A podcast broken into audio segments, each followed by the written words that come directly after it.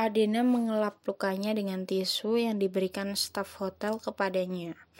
Lalu gadis itu berjalan menghampiri Adrian. Dia duduk di kursi agak panjang yang Adrian duduki.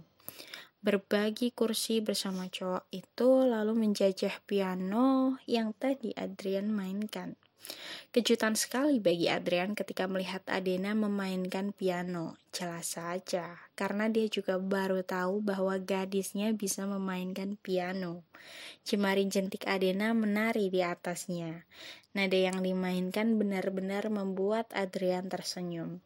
Nada yang indah, matanya yang bergantian melirik tuts piano dan melirik Adrian tentunya. Tersenyum ketika Adrian tersenyum. Lalu ketika suara Adena mulai keluar, Adrian rasanya ingin membenturkan kepalanya ke piano saja. Bukan masalah suara Adena yang indah,